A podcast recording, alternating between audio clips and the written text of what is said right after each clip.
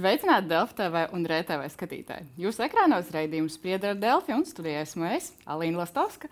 Un šodien ar mani kopā ir arī Rolo, jo mēs runāsim par dzīvnieku tiesību aizsardzību un arī labturību. Šīs jautājums ir kārtējo reizi aktualizējies, jo saima izskata grozījumus dzīvnieku tiesību aizsardzību likumā. Un pašlaik tās galvenās diskusijas ir par dzīvnieku glābšanu. Nu, vai tas priekšlikums. Viens no priekšlikumiem apgrautinās dzīvnieku glābšanu, vai arī ne, bet likums paredz arī ļoti daudzas citas būtiskas izmaiņas. Un pie mums šodien studijā bez rolo, kuru mēs tulīt palaidīsim darīt lietas, ir arī Zemkopības ministrijas dzīvnieku tirzniecības, labturības un barības nodaļas vadītāja Agija Mediņa. Sveicināti! Un dzīvnieku aizsardzības biedrības ķepu ķepā vadītāja Gundaga Bindara. Sveicināti! Sveiki! Un sāksim ar tādu jautājumu, nu, laikam vairāk filozofisku. Kāda ir situācija Latvijā ar maidzīvnieku labturību? Slikta. Ja īsumā. Jo esošā situācijā mēs runājam gan par tiem dzīvniekiem, kas atrodas uz ielas, gan par to dzīvnieku apjomu, kas katru gadu nonāk patversmēs. Un viņš, diemžēl, ir uh, liels, Latvijā esošās patversmes principā ir pilnas ar uh, dzīvniekiem uz doto brīdi. Mēs kā organizācija esam pārpildīti, Un ar tām brīvajām vietām ir tieši tā, ka mums jau ir, ja mums iepriekš bija pierasts, ka mums bija uz kaķīšiem uzņemšanas rinda patvērsmē, tad nu, uz doto mirkli mums arī rindā gaida nu, jau trīs suņi, lai mēs viņus varētu uzņemt. Un tā izpratne sabiedrībā, es saprotu, nu, no PVD statistikas izskatās, ka suņu pamestu mums kļūst vairāk, bet kopumā ņemot tā sabiedrības izpratne, īpašnieku izpratne par dzīvnieku labturību uzlabojās.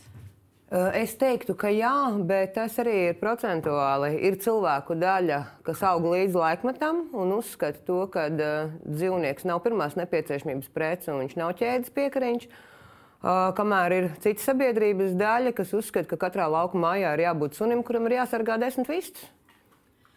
Kāds ir jūsu skatījums kā politikas arī veidotājiem šajā jautājumā uz dzīvnieku labturību? Vai pietiekami šī joma mums ir regulēta un vai viss visiem ir skaidrs? Pateikšu jums, ka dzīvnieku labturības un aizsardzības jomu uzrauga un kontrolē šobrīd mums pārtiks veterinārais dienests attiecībā uz ministra kabineta noteikumu ievērošanu un sūdzību gadījumos, kā arī pašvaldības policija. Ja ir kādi pārpratumi, tad droši jāzvana šīm iestādēm, un viņas arī konkrēti var pateikt par visu situāciju valstī attiecībā uz kontroli un uzraudzību.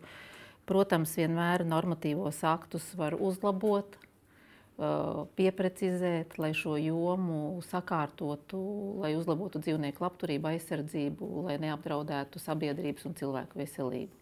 Tas ir primāri. Mm -hmm. Un, ja mēs sākam runāt par grozījumiem eh, dzīvnieku aizsardzības likumā, nu, tur tagad plašākas diskusijas, ja mēs redzējām protestus pie parlamenta par vienu no priekšlikumiem, tur paredzētas virkne izmaiņu attiecībā uz suņu maidzīvnieku pārdošanu pavairošanu, attiecībā uz to, cik ilgi nevar uh, turēt suni, aizliegums turēt suni gadījumā, ja bija cietsirdīga izturēšanās un ka suni nevar turēt pie ķēdes. Kas, jūsuprāt, ir būtiskākais šajās izmaiņās? Jebkura izmaiņa ir būtiska. Nevar nošķirt vienu izmaiņu no otras, jo mūsu mērķis šī dzīvnieku aizsardzības likuma grozījumi ir uzlabot noteikti dzīvnieku labturības, aizsardzības un veselības līmeni.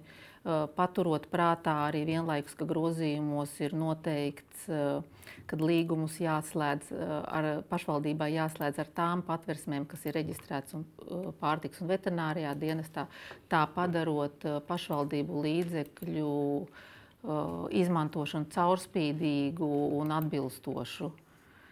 Zemkopības ministrija ļoti atbalsta dzīvnieku aizsardzības organizāciju ieguldīto darbu, ko viņas veids attiecībā uz bezpalīdzīgā stāvoklī nonākušu dzīvnieku ķeršanu un īpašnieku meklēšanu. Mhm. Un um, varam parādīt arī bildes no protestu uz ekrānā. Nu, dzīvnieku aizsardzību biedrības, dzīvnieku patversmes arī ļoti aktīvi iestājās pret vienu no priekšlikumiem. Jūsuprāt, tad, uh, rosinājums tiem, kas glābj dzīvniekus, reģistrēties kā patversmēm, ja tāds priekšlikums tiktu pieņemts, par to jau tagad ir diskusija. Es saprotu, ka to labos, bet nu, vai tas būtiski apgrūtinātu dzīvnieku glābšanu? Jā, protams, tas apgrūtinātu dzīvnieku glābšanu, jo neviens cilvēks, kas paņem teiksim, piecus kaķēnus pie sevis uz pagaidu mājām, viņš tīri fiziski nevar reģistrēt patvērsni. Jo arī mums, kā organizācijai, mums kā biedrībai ir 13 gadi, un patvērsmes status mums ir pēdējos 4 gadus. Mēs esam ieguldījuši milzīgas summas, meklējuši sponsorus, lai varētu uzbūvēt ēkas, labi iekārtot viņas priekš dzīvniekiem. Tas nav tik viegli un vienkārši izdarāms. Es saprotu, ka tas priekšlikums bija iesniegts uz otro lasījumu. Viens no ierosinājumiem par šo reģistrēšanos. Nu, jūsu, jūs piekritat uh, tam biedrībām un organizācijām, kas pret to protestē, un tad jūs piedāvāsiet izmaiņas šajā redakcijā? Uh, šis jautājums nav tā viennozīmīgi risināms par vai pret uh, reģistrāciju. Zinot to, ka Zemkopības ministrijā atbalsta dzīvnieku aizsardzības organizāciju darbu, uh, ko viņas iegulda šo dzīvnieku palīdzībā un ķeršanā un uh, īpašnieka meklēšanā. Ar šī, šī likuma grozījuma mērķis ir vērsties pret tiem bezatbildīgajiem cilvēkiem, kas uh, nedom, noķerot šādu bezpalīdzīgā stāvoklī nonākušu dzīvnieku, nedomā par uh, viņa veselību, negriež pie praktizējoša veterinārā ārsta. Viņš ar šādu dzīvnieku apdraud cilvēku, apkārtējo cilvēku un veselību. Neievaram, mēs esam dzirdējuši stāstus, kad uh, vienā mājā tiek turēts ļoti daudz dzīvnieku. Tik tiešām nu, par labturību ir grūti runāt. Nu, ko jūs teiktu, kā šādus gadījumus izskaust un varbūt kā, cik bieži tie ir? Um, labturības pārkāpumi kā tādi ir uh, ne tikai biedrībās, viņi arī ir pie audzētājiem un viņi arī ir patvērsmēs. Gala rezultātā mums Latvijā ir patvērsme, kurā arī ir liegums uzņemt šos kaķus, un kurā nav reģistrēta tiesiski mūsu valstī. Bet kas tad risinātu šo situāciju? Mēs saprotam, ka problēma ir uh, labi, ir klaņojošie dzīvnieki vai dzīvnieki, kurus pamet ar tiem, kas ir jā, kaut kas ir jādara. Un no otras puses ir cilvēki, kas it kā grib palīdzēt, un cilvēki, kuri grib palīdzēt, bet acīm redzami nespēj. Jā. Tāpēc jau mums uz doto mirkli ministra kabineta 266. ir norma, ka, ja tev ir pieci vienas sugas dzīvnieki, kas ir sasnieguši sešu mēnešu vecumu, tev ir jāreģistrējas pārtiks veterinārijā dienestā. Jau uz doto brīdi pārtiks veterinārais dienests varētu kontrolēt arī biedrības. Pamatojoties uz šiem pašiem ministra kabineta 266. labturības prasības mājas istabas dzīvnieku turēšanā. Uh, mēs šajā situācijā liekam visu laiku akcentu uz biedrībām un uz glābējiem, bet ir jāsaprot viena liela problēma. Ne biedrības, ne glābēji, un arī nepatvērsmes neražo šos dzīvniekus. Uh, man ir šausmīgi skaudra, jautra situācija ar vienu legāli reģistrētu audzētāju pārbaudījumu, viņa LDC reģistrā ir. Uh, Un viņiem mājās ir aptuveni 100 suņi. Ja man patvērsmē ir 100 suņi, man uz šiem 100 suņiem ir jābūt pieciem kopējiem. Audzētājs, audzētājs var šos suņus par nakti salikt būrīšos, kas ir 0,97 km2, kur pat pēc PVD datiem vienam kaķim nepietiek vietas. Kāpēc tādi gadījumi ir? Vai tā ir nepietiekama kontrole? Uh, manā uztverē, uh, gluži tāpat kā ar patvērsmes netiesisku reģistrēšanu, uh, ir gan kontrolas trūkums, eh, gan izpratnes trūkums par to, kā pareizi un ko tieši kontrolēt. Jo nekas nav vienkāršāk kā uzrādīt dzīvnieku vakcinācijas apliecības, vakcīnu čips, reģistrs ir. Eh, tā tad viss viņam viss ir kārtībā, bet realitātē aiziet pārbaudīt, kā šie dzīvnieki dzīvo, kur šie dzīvnieki dzīvo, kā viņi tiek turēti. Eh, tā ir liela problēma. Es piekrītu tam, ka pārtiks veterinārais dienestas laiks sūdzās par kapacitātes trūkumu. Uh, bet man gribētos teikt, ka ir jāspēj šīs likuma normas skatīties kopumā. Ne tikai to, kas ir jāievēro biedrībai, patvērsmei, audzētājiem, bet labturību kā tādu. Bet, ja mēs runājam par to priekšlikumu būtību, jūs teicāt, nu, viennozīmīgi nevar pateikt, vai šī redakcija vai nu, kaut kādas izmaiņas jāveic. Tas no jums es noprotu, bet nu, kāds tas būtu jaunais piedāvājums? Jo es saprotu, ka šo normu, kas pašlaik par ko diskutē deputāti, tā tiks pārskatīta. Uh, šī norma, kas ir šobrīd atbalstīta Tautsēmniecības un agrārās vidas reģionālās politikas komisijā attiecībā uz pārskatīšanu, tas ir jālemj deputātiem, jo viņa šobrīd ir atbalstīta. Bet, uh, Zemkul... Tas optimālais uh, redakcijas, teiksim, tā, tā redakcija būs piedāvāta arī no viņiem, vai jūs rosināsiet vēl kādas redakcijas šim priekšlikumam no uh, Zemkopības ministrijas puses? Mēs organizēsim darba grupas. Un, jo šobrīd mēs redakcijas nevaram pateikt, mums jāstrādā kopā ar nevalstiskajām organizācijām, ar šīm dzīvnieku aizsardzības biedrībām un kopīgi jāatrod uh, redakcija, kas nodrošinātu un domātu par dzīvnieku aizsardzības un augstākām labturības prasībām, un tajā pašā laikā arī domāt par cilvēku veselību. Bet, Tas būs kopīgs darbs. Bet eh, līdz ar to pašlaik jūs nevarētu pateikt, kāds varētu būt tas risinājums, lai mēs spējam glābt dzīvniekus un neapgrūtināt to glābšanu, par ko ceļu trauksmi organizācijas, un no otras puses, lai mums nu, ne, nesanāk tāda gadījuma, ka cilvēki paņem dzīvniekus un nevar par viņiem vairs parūpēties, ievērot šos nosacījumus. Pateikšu, ka šobrīd dzīvnieku aizsardzības organizācijas, arī tās, kuras piedalījās piketā, nav nākušas pie zemkopības ministrijas ar ierosinājumiem par redakcijām. Tas, ka mēs plānojam un domājam, tas būs mūsu kopīgs darbs pār, lai vienotos par kopīgu redakciju, ko iesniegt deputātiem apspriešanai un diskusijām. Jā, zemkopības ministrs mūs ir uzaicinājis uz tikšanos ceturtdienu kurā arī noteikti mēs pārnāsim šīs redakcijas un dzīvnieku aizsardzības organizācijas, gribētu teikt, jau no 18. gada regulāri iesniedz zemkopības ministrijai savu vīziju, kā vajadzētu sakārtot esošo likumdošanu mūsu valstī. Pat darba grupās mēs nonācām pie viena fantastiska regulējuma, kur solīja iekļaut uz otro lasījumu, bet, diemžēl, tabulā es viņu neatradu, kas arī ir sistemātisks darbības no zemkopības ministrijas ierēģiņa puses. Šīs te, par ko ir vienojušies, mēs visi kolektīvi esam darba grupās, līdz tabulai, diemžēl, gala rezultātā nenonāk. Uh, tad es paprasīšu, ko jūs atbildēsiet uz šo kritiku, un jums pēc tam par priekšlikumiem. Pateikšu to, ka šobrīd tiek jaukti audzētāji, kas šobrīd ir noteikti ciltsdarbu un audzēšanas likumā, kas ir šķirnes dzīvnieku audzētāji. Ja runājam par normatīvo regulējumu, tad uh, tiem pavairotājiem, ar kuriem šobrīd mums tiešām ir ļoti liela problēma valstī, mēs risinām problēmu caur ministra kabineta noteikumu projektu, kur ir noteikts augstākas vispārīgās labturības prasības, kas ir jāievēro visiem, nešķirojot, vai tev ir šķirnes dzīvnieks vai bezšķirnes dzīvnieks. Tur tā visa tā doma ir.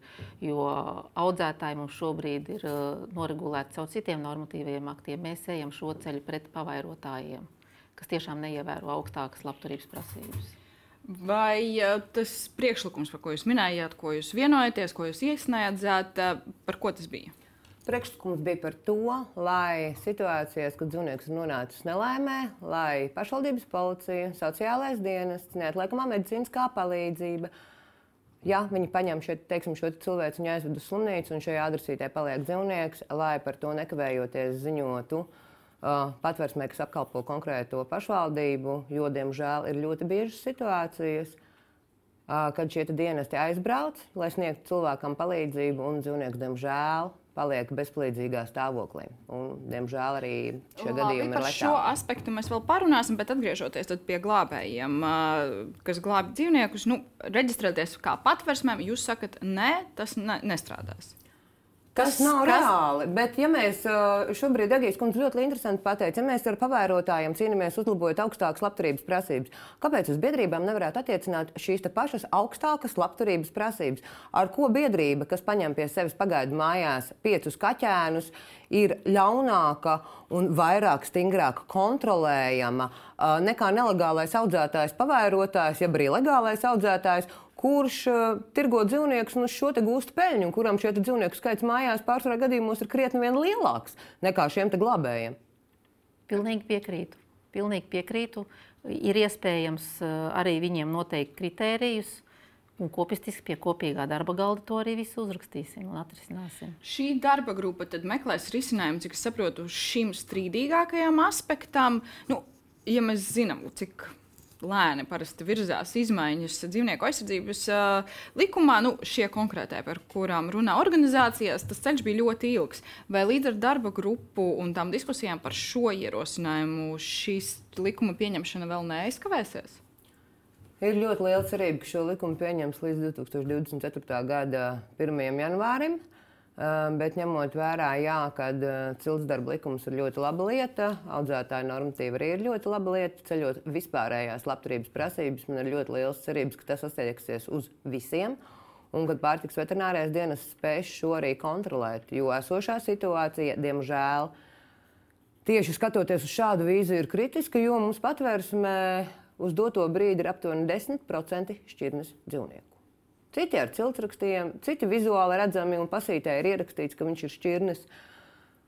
šī problēma jau sāka palikt globāla, jo tas dzīvnieku pieejamība mūsu valstī ir nu, tik vājā līmenī. Mēs atveram SES, mēs tajā pašā dienā varam dabūt kaut vai simts mājdzīvniekus. Nu, jā, tā ir, protams, arī nu, teiksim, tā pavairotāja, ja audzētāju atkarībā no tā, vai viņi godprātīgi pilda visus normatīvos vai nē. Nu, Es saprotu, ka šajā jomā arī plānotas izmaiņas. Viņiem ir jāinformē topošais saimnieks gan par šķirnes īpatnībām, gan arī citi jautājumi, eh, gan sludinājumos jānorāda arī čipētam jābūt. Eh, nu, tam dzīvniekam, bet es saprotu, ka tas jūsu ieskatā līdz galam situāciju neatrisina. Bet jūs sakat, ka tagad vismaz šī joma tiks sakārtot. Jā, šīs, šīs problēmas mēs risinām lēnām un pakāpeniski.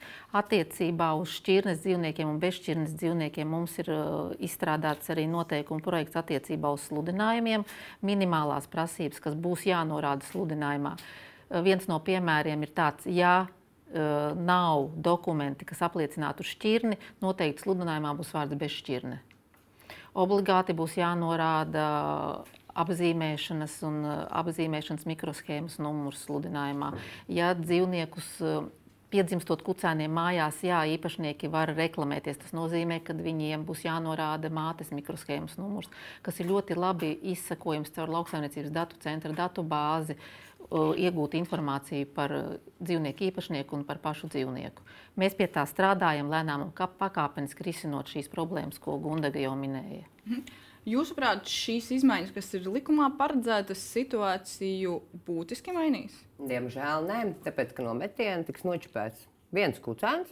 Mums šī viena kucēna bāze pusgada garumā tiks turpināta tirgot simtiem citu dzīvnieku. Tā tas tā praksa, diemžēl, arī mūsu situācijā. Burtiski tikko Bauskas novadā pie mums nokļuva uh, medību šķirnes kucīte ar vienu kucēnu. Uh, Māmītē čips bija kucēnam, protams, ka čips nebija pēc sludinājuma. Mēs, es, es atradām, kurš tad ir saimnieks. Un esošajā situācijā, protams, viņš jau pus no šiem kucēnu metieniem bija pārdevis nečipētus, nereģistrētus jau pārkāpjot esošos normatīvus. Un viņš arī paziņoja, ka atbrauks pie manis PVD no kucēnas noslēpšu. Un ļoti bieži tā tas arī notiek, jo arī mēs esam vieni no tiem, kas brauc veikt šīs čipēšanas akcijas bezmaksas, kur ir jāatzīst personas, kas ir trūcīgas, maznodrošinātas, kur nespēj to pašu sekt no savas puses. Un mēs redzam, cik šis darbs ir grūts un cik realitātē uz doto brīdi ir šo nečipēto dzīvnieku ir arī čipēti, bet nereģistrēti čipi. Tā Jā. ir arī vēl viena problēma noteikti, bet uh, pieminēts, nu, iespējami trūkumi jaunajā regulējumā, kā jums šķiet, tos varētu atrisināt, vai tas būs jau nākamais solis, lai šādi gadījumi nenot, nu, nenotiek vienu čipēju kucēnu un tad pārdot simtiem. Uh, šajos likuma grozījumos mēs paplašinām pārtiks veterinārā dienesta kompetenci attiecībā uz sludinājumu uzraudzību un kontroli, kas līdz šim nebija. Uh, Tas nozīmē, ka eh, pārtiks veterinārais dienests kontrolējot eh, sludinājumus un salīdzinot ar lauksainicības datu bāzē reģistrētiem dzīvniekiem un veicot eh, kontroli pirkums un ejot uzraudzīt un kontrolēt visas šīs neatbilstības, konstatēs. Tā kā jau minēju, lēnām un pakāpeniski. Un kā būs, nu, vēl viena problēma, mēs zinām, pie mums nonāk uh, suņi arī no ārzemēm, tā ir Baltkrievija, piemēram. Un, uh, nu, mēs zinām, ka pie mums, piemēram, aizliegts ķirurģiski darīt dažādas operācijas no ausus aste, bet mēs redzam, ka pilna sludinājuma portāli tādus dzīvniekus pārdot, uh, gan Latvijas telefona numuri, bet acīm redzot, dzīvnieki ir no ārzemēm. Šo problēmu var risināt. Šo problēmu arī mēs risinām, bet norādīšu, ka Veterināra medicīnas likumā ir noteikts prasības, ja dzīvnieku ieved no trešās valsts, viņam ir trīs die, desmit dienu laikā, viņš ir jāreģistrē lauksainicības datubāzē, bet kamēr trešajās valstīs ir atļautas šīs ķirurģiskās operācijas, tad uh, viņu ievest ar atbilstošiem dokumentiem, certifikātiem šādi kupēt un šāda paskata viņu drīkst. Jūsuprāt, šīs arī būtu jautājums, ko risināt, vai tā problēma ir tik salīdzinoši maza uz citu fona, ka varam vēl neķerties Nē, klāt? Šī problēma arī ir ļoti liela, jo mēs ar citiem televīzijas raidījumiem esam Jelgavā vienā adresē veikuši kontrolu pirkumus uh, tieši no Baltkrievijas ievestiem kucēniem. Uh, mēs šo schēmu zinām ļoti labi. Pārstrā gadījumos šie čipi ir kucēniem nevis iešpricēti, bet gan ielīmēti spalvā, atbraucot uz Latviju šo čipiņu ar šķērītēm izgriež ārā ieliek Latvijā čipiņu un uzstājas sunīti par Eiropas Savienības pilsoni, kas ir dzimis šeit pie mums. Un tad šādi kucēni tiek pārdoti par bargu naudu. Pārsvarā gadījumos šie dzīvnieki ir slimi, um, ar ļoti daudzām dažādām veselības problēmām. Tādējādi būtu jāpārbauda arī šo dzīvnieku vecums, kādā viņi ieceļo, jo pēc esošajiem normatīviem viņiem ir jābūt kā minimums 3 mēnešiem plus 21 dienai. Bet realitātē pārsvarā gadījumos šie kucēni iebrauc aptuveni 2 mēnešu veci. Bet šo problēmu pagaidām vai ar to kapacitātes uzraudzības funkcijām PVD par sludinājumiem šo kaut kā varēs ietekmēt? Jā, caur ministru kabineta normatīvu aktu regulējumiem, paplašinot funkcijas, arī to darīs pārtiks veterinārais dienests. Vēl viens, par ko es pieminēju, ir nereģistrētie čipi. Sunim ir, bet neviens nereģistrē. Neviens tad, nu, mēs redzam, regulāri sludinājumus, ir noķerts pieklīdes suns, čips nav reģistrēts. Ko ar šo varam darīt un kad? tas tiktu risināts? Vēršam uzmanību, ka no pagājušā gada 1. janvāra, kā pirmreizējo reģistrāciju ir piešķirta praktizējošiem veterinārārstiem. Līdz šim šī norma un prasība bija atstāta katrai iedzīvotājai kā izvēles iespēja, vai viņš lūdz praktizējošo veterinārārstu iereģistrēt datu bāzē, vai viņš atnākot mājā to varēja izdarīt caur portālu Latvijas LV pats, bet atnākot mājās sākās sadzīviskās problēmas, un to mēs šobrīd arī redzam, ka ir tiešām daudzi suņi, kas ir apzīmēti, bet nav reģistrēti, jo īpašnieki neizprata to faktu, ka ieli, ievadot suni mikroshēmas num, mikroshēmu, kad viņš netiek ievadīts datubāzē. Līdz ar to tiek, tika uzlaboti normatīvi akti, saredzot šo problēmu, un ja cilvēks um, ies pie praktizējoša veterinārā ārsta uz atkārtotām, piemēram, vakcinācijām vai ar kaut kādiem veselības uh, problēmām, tad praktizējoša veterinārārs primāri uzreiz nolasīs čipa numuru, vai viņam ir vispār mikroshēma vai nav, un tad ievadīs šo nereģistrēto suni datubāzē, jo vairāk paši īpašnieki to nevar izdarīt. Vai tas ir noteikts ar likumu, ka vetārstam tas ir jādara? Pirmreizējā reģistrācija. Tikai pirmreizējā, pirmreizējā reģistrācija. Bet tā skaitīsies pirmreizējā reģistrācija. Vēl viens jautājums, kas ir uh, likumā būtisks, tad uh, suni nevarēs turēt pie ķēdes. Uh, un arī šeit brīnišķīga doma, suņus pie ķēdes visu laiku turēt nedrīkst, tas ir skaidrs. Bet uh, kā mēs to pārbaudīsim un uzraudzīsim, vai šim ir kapacitāte jūsu ieskatā?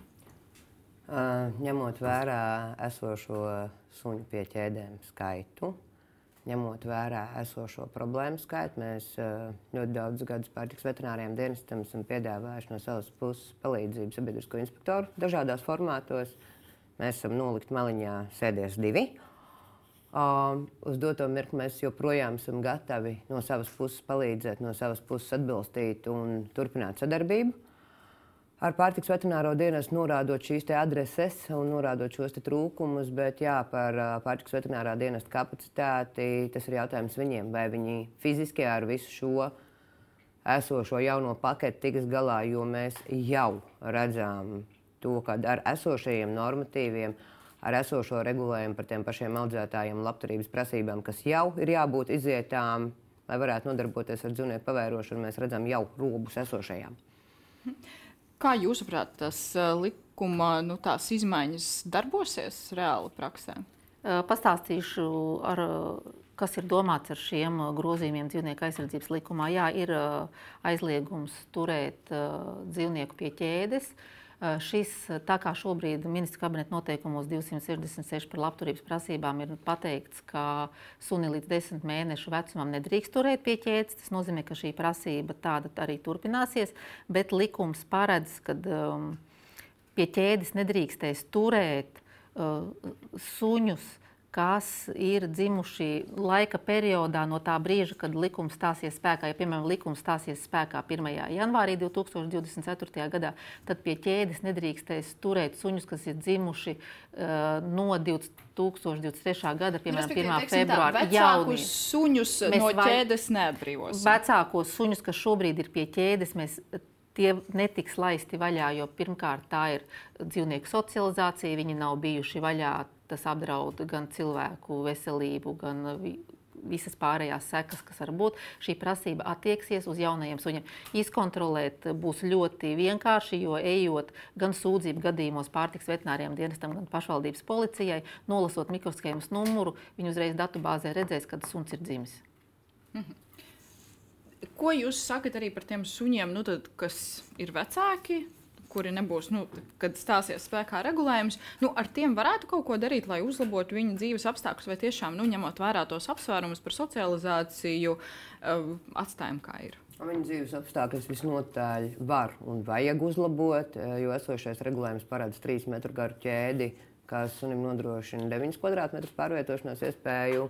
Būtu ģeniāli, ja šajos jaunajos ministru kabineta noteikumos mēs pieliktu klāt, ka uz katru sunīti atbilstoši viņa izmēram ir nepieciešama konkrēta kvadratūra, un to var risināt vai nu pagarinot ķēdes garumu, vai nu ķēdi liekot uz troses, lai dzīvniekam būtu iespēja pārvietoties brīvāk, lielākā platībā. Un, protams, uzlikt, kas jau ir uh, obligātās pastaigas, bet kas, diemžēl, dabā arī nenotiek. Un nenotiek, jo.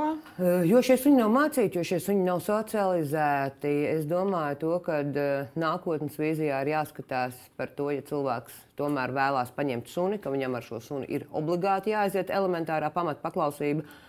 Jo kā tad savādāk nākotnē mēs nodrošināsim to, lai šie dzīvnieki būtu socializēti, lai viņi būtu sabiedrībai un cilvēkam droši? Nu, Jā, mēs zinām, ka šāds regulējums ir virknē valstu, bet nu, tas ir jautājums arī par to, cik daudz mums ir suņu, cik mēs spējam uzraudzīt un uh, izkontrolēt to visu jau esošo regulējumu. Bet attiecībā mēs dzirdējām jau vairāk, kas reizes atsaucas uz ministru kabineta noteikumiem. Arī šeit būs vairāki deleģējumi, bet nu, iespējas uzlabot tos suņus, kas jau dzīvo pie ķēdes, tos plānots ar ministru kabineta noteikumiem. Jā. Ja? Pilnīgi piekrītu arī šie noteikumi tiek pārskatīti un arī ir iestrādātas augstākas dzīvnieku labturības prasības. Un piekrītu, ar, ka šī problēma mums ir liela, jo ir ļoti daudz bezatbildīgi īpašnieki, kas tiešām neievēro dzīvnieku aizsardzību un labturību. Un, un, bet saprot, jāsaprot, ir tas, ka dzīvnieks vairs nav rotaļlieta. Tā ir dzīva radība, par ko ir jārūpējas. Viņš, ja viņš ir pie ķēdes, tad viņam tiešām vajag atbilstošu platību, kur kustēties, atbilstošu ēdināšanu, dzeršanu, kustības, sporta aktivitātes, viss pārējais, kas viņam ir tiešām nepieciešams. Vēl viens nu, izmaiņu punkts likumā ir par to, ka dzīvnieku īpašnieks nodrošina, lai dzīvnieks netraucē mājas vai apkārtnes iedzīvotājus ar smaku riešanu vai gaudošanu. Laba doma, bet nu, kā tas ir nu, ar riešanu? Tad, nu, kur ir tas brīdis, kad mēs saprotam, ka tas traucē iedzīvotājs vai viens suns vienu reizi rei, un tad mēs varam sākt sūdzēties, kā tas uh, tiks regulēts. Uh, šī prasība uh, ir izņemta ārā no likuma projekta otrajā lasījumā, ko ir atbalstījuši deputāti, bet caur ministra kabineta noteikumiem mēs tomēr atstāsim šo regulējumu, jo tas ir sabiedriskās kārtības nodrošināšana. Bet un tur būs sīkāk nedaudz. Būs kritēriji, jo sabiedrisko kārtību uzrauga pašvaldības policija, kas izteica arī caur pašvaldību savienību to, to prasību atstāt ministru kabineta noteikumos. Jo sabiedriskā kārtība ir tā tomēr ir jāievēro. Neiet runa vienreiz ierējās vai otrreiz ierējās, iet runa, ja suns vai kaķis, suns reija, kaķis ņautā, tad viņam ir kādas veselības problēmas. Vēl ir tādas par ko ceļu trauksmi organizācijas, ir cietsirdīga izturēšanās pret dzīvniekiem. Rīt saimā deputātiem jāizskata viena no iniciatīvām šajā jomā. Tad mana balss iesniegt iniciatīvu par nu, reāliem cietumsodiem. Tad, tad tiem, kas spīdzina dzīvniekus, tā ir pirmreizēja izskatīšana. Nu, Kā jums šķiet no pieredzes, varam šo situāciju būtiski uzlabot, vai bargāki sodi tiešām dos to rezultātu? bargākiem sodiem ir jābūt. Jo uh, situācijas reālās dzīves. Mums bija izsaukums Skaistkalnē no policijas puses, kur mēs aizbraucām. Divi suņu ķēdē, abi suņi nobadināti, dzīvnieku stāvoklis kritisks. Diemžēl viens suns nomira. Būtu jāiestājās 230. panta pirmajai daļai, kad dzīvnieks reāli ir miris. Mēs neko palīdzēt nevaram. Diemžēl Bija sastādīts tikai administratīvais akts par cietsirdīgu izturēšanos pret dzīvniekiem, kā rezultātā šajā adresē palika vēl divi suņi. Un tagad mēnesis atpakaļ no šīs pašas adreses pie mums nokļuva vēl viens sunīts, uh, kuram ir galvas trauma, datortomogrāfija uzrādīta smadzeņu tūska. Ja šajā situācijā šis dzīvnieku īpašnieks uzreiz saņemtu piemērotu sodu, pārējos dzīvniekus izņemtu, viņiem nebūtu jācieš. Un esošajās situācijās, diemžēl, sabiedrībai, nu, krimināla likumam būtu jābūt sabiedrību audzinošam, mācošam, kad tā darīt nedrīkst. Bija izpētīti vairāk kā 30 uh, piemēri no tiesām, kur diemžēl nav saņemts reāls cietumsots, kur ir nosacīta brīvības atņemšana, kur jāiet lapas grābt. Tas neaudzina ne šos cilvēkus, ne pārējai sabiedrībai. Šoreiz būtu jāsaka bijību pret šādu nodarījumu. Un kur mēs vēl redzam punktu, ka vardarbība saknē kā tāda sākās ar vardarbību pret dzīvnieku, un nākamais pakāpiens ir vardarbība pret cilvēku. Ja mēs šo vardarbību neizskaužam saknē, sākot ar vardarbību pret dzīvniekiem, mēs varam sagaidīt to, ka cietīs bērni, un praksē jau tas ir pierādījies. Jūs pieminējāt tos nosacītus cietumsodu ziņot, tur Lieta bija apkopojusi tad, sodus un kopš marta notiesāta tad, trīs maidzīvnieku slepkavas. Un, piemēram, viens no gadījumiem bija, kad vīrietis, kurš bija reibumā, ielicis suni maisā, iegremdējis vannā ar ūdeni, turējis dzīvnieku zem ūdens, līdz iestājusies nāve. Un viņam piespriezt nosacīts cietumsods un atņemas, atņemt tiesības turēt suņus uz vienu gadu. Pirmkārt, kā šo gadu reāli uzrauga kāds? Šīs normas par kriminālu likumu piemēro tiesas. Uzraudzību. Uzraudzība ir, problēma ir liela, jo šī brīdī tas regulējums ir um, grūti izkontrolējams no tāda viedokļa, ka ģimenē, ja liegums ir piemēram vīram, tad pārreģistrējot šo suni uz sievu, tas dzīvnieks tomēr vienalga tajā maisaimniecībā ir. Tas nozīmē, tas, ja ka dzīvnieks vispār ir reģistrēts nu, šobrīd eh, nedrīkst būt nereģistrēti suņi, kā to paredz likums. Bet līdz ar to eh, šī, mēs, man liekas, pie šī jautājuma arī domājām redakcijas, kā atrisināt vai liegumu maisaimniecībai, bet tajā pašā laikā nedrīkst aizmirst arī cilvēktiesību pārkāpumu, ka bērns drīkst turēt dzīvnieku, bet kā atrisināt šo problēmu ar maisaimniecību un pārreģistrāciju, kur tad dzīvnieks nedrīkstēs atrasties. Bet nogalināt, noslicināt suni un gadu nevarētu paņemt jaunu maidzīvnieku, tas ir adekvāti? Nē, tas ir smieklīgi. Tas ir smieklīgs sodamērs mums, diemžēl, praksē. Vēl viena situācija, dāmai beidzot, jāsaka, ir tik noņemtas tiesības uz bērniem. Dzīvnieks viņai atstāja. Mēs pusotra gada laikā no šīs konkrētās adreses esam izņēmuši jau trīs suņus. Es ļoti ceru, ka uh, viņi apstāsies viņus salasīt, bet tās situācijas ir tādas, ka šie cilvēki ir jākontrolē. Man ir grūti pateikt, es domāju, ka visprātīgāk to deleģēt būtu darīt pašvaldības un valsts policijai, jo viņi tomēr savā pašvaldībā ir spējīgi biežāk izbraukāt, vairāk redzēt un piefiksēt, runājot par bērniem un viņu tiesībām turēt maidzīvniekus. Uh, Manā uzturēt dzīvnieks ir pietiekami liela atbildība, lai viņu iegādāties un turēt varētu sākot no 18 gadiem. Un neskatoties, vai tas ir trusis, vai tas ir suns, vai tas ir kaķis, vai tas ir zirgs, šajā situācijā par bērnu atbild viņa vecāki. Ja vecāki nav spējīgi atbildēt par mājas dzīvnieku, bērnam mēs nevaram paprasīt darīt to, to, to. Viņš nav, viņam nav iespēja nopelnīt naudu, lai aizvedu dzīvnieku pie ārsta. Tad faktiski tas, ko mēs varam secināt no šīs sarunas, pat gadījumā, ja mēs noņemam tiesības iegādāties jaunus maidzīvniekus, to mēs īsti izkontrolēt līdz galam nevaram. Uz doto mirkli, diemžēl, jā. Un līdz ar to būtu jārunā ne tikai par sodiem kā tādiem jūsu ieskatā, bet arī par to kontroli. Jā, jo mums šobrīd arī ir viens tiesas process par cietsirdīgu izturēšanos pret dzīvnieku, kur rezultātā ir iestājusies nāve ar policijas liegumu šai personai turēt uh, konkrētās sugas dzīvniekus. Bet mēs, diemžēl, zinām, ka mm, šie konkrētās sugas dzīvnieki joprojām atrodas pie šīs personas, un neviens. Absolūti neviens. Ne pārtiks veterinārais dienas, ne valsts policija, neviens šo jautājumu nerisina. Un kam būtu jānotiek, lai tiktu risināta šāda problēma? Jo, nu, labi, un suņi ir tādi dzīvnieki, kur vismaz tiek ārā, kurus var uzraudzīt. Vairāk ir vēl taču kaķi un arī citi maidzīvnieki, nu, Jā. kur tā vardarbība var būt daudz mazāk, diemžēl, redzama arī. Nu, respektīvi, pamanāma sabiedrībai, lai par to ziņot. Jā. Nu, esošajā situācijā es zinu, ka pārtiks veterinārais dienests ir bijis šajā adresē, veicis kontroli, labturības pārkāpumus nav konstatējis, un uz to arī tas viss ir apstājies. Kaut gan man tiesas dokumentu materiālos ir um, balts uz melnu uzrakstīts, ka ir liegums. Un esošajā situācijā es uzskatu, ka līdz ko šāda situācija mēs konstatējam, šai personai ir liegums. Uz tādu un tādu periodu turēt dzīvniekus, šie dzīvnieki būtu nekavējoties jāizņem. Neskatoties, vai tas cilvēks uz doto mirkli ievēro šīs labturības prasības vai neievēro, ir konstatēts gadījums, kad viņa vainas rezultātā ir iestājusies dzīvnieka nāve. Vai mēs esam ar mieru pakļaut riskām pārējos dzīvniekus šajā situācijā? Nu, mēs noteikti sekosim līdzi gan šai iniciatīvai, gan diskusijai arī Sājumas apakškomisijā un komisijā par šiem likumiem. Un vēl viens jautājums ir par atteikšanos no dzīvniekiem. Nu, mēs redzam, gan pēc Covid laika pandēmijas nosacīt dzīvnieki, kuri paņemti tika vairāk pamesti. Arī tagad, ņemot vērā ekonomisko situācijas pasliktināšanos, jūs arī novērojat, ka pamestu dzīvnieku kļūst arvien vairāk. Ne tikai, ja mēs runājam par suņiem. Bet... Diemžēl, jā, ja cilvēks nav spējīgs parūpēties par šo dzīvnieku, lai viņu pabarotu, lai viņu uzturētu, viņš nav spējīgs īsti nodrošināt sevi. Un rezultātā cietēji vienmēr šādās situācijās būs bērni un dzīvnieki. Diemžēl.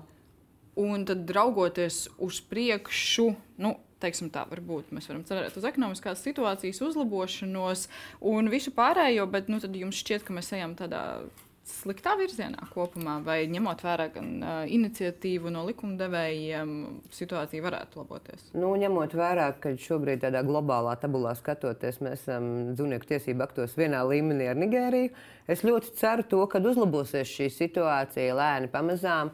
Un kad uh, arī sabiedrības attieksme, ko mēs redzējām pēc mana balss iniciatīvas, ir krietni vien uzlabojusies. Uh, ceru, ka arī kontrolējošā puse spēs nokontrolēt to, lai tas arī tiktu ievērots. Ja mēs runājam kopumā, raugoties uz priekšu, jūs prognozētu, ka situācija uzlabosies? Nu, runājot par tām problēmām kopumā, ko mēs šeit minējām. Situācija jāuzlabojās, bet mums ir eh, jāizglīto arī sabiedrība. Sabiedrībai ir jāsaprot, ka dzīvnieks ir eh, ļoti liela atbildība un nevar vairāk ņemt dzīvnieku, ja es saprotu, ka mans materiālais stāvoklis ir neatbilstošs, lai es uzturētu sevi. Dzīvnieks tā ir ļoti liela īpašnieka atbildība un sabiedrībai tas ir jāsaprot. Tieši tā, dzīvnieks ir atbildīga, atbildība, būsim atbildīgi gan pret citiem, gan paši pret sevi. Paldies jums par šo sarunu. Paldies jums, ka skatījāties un uz tikšanos jau rīt.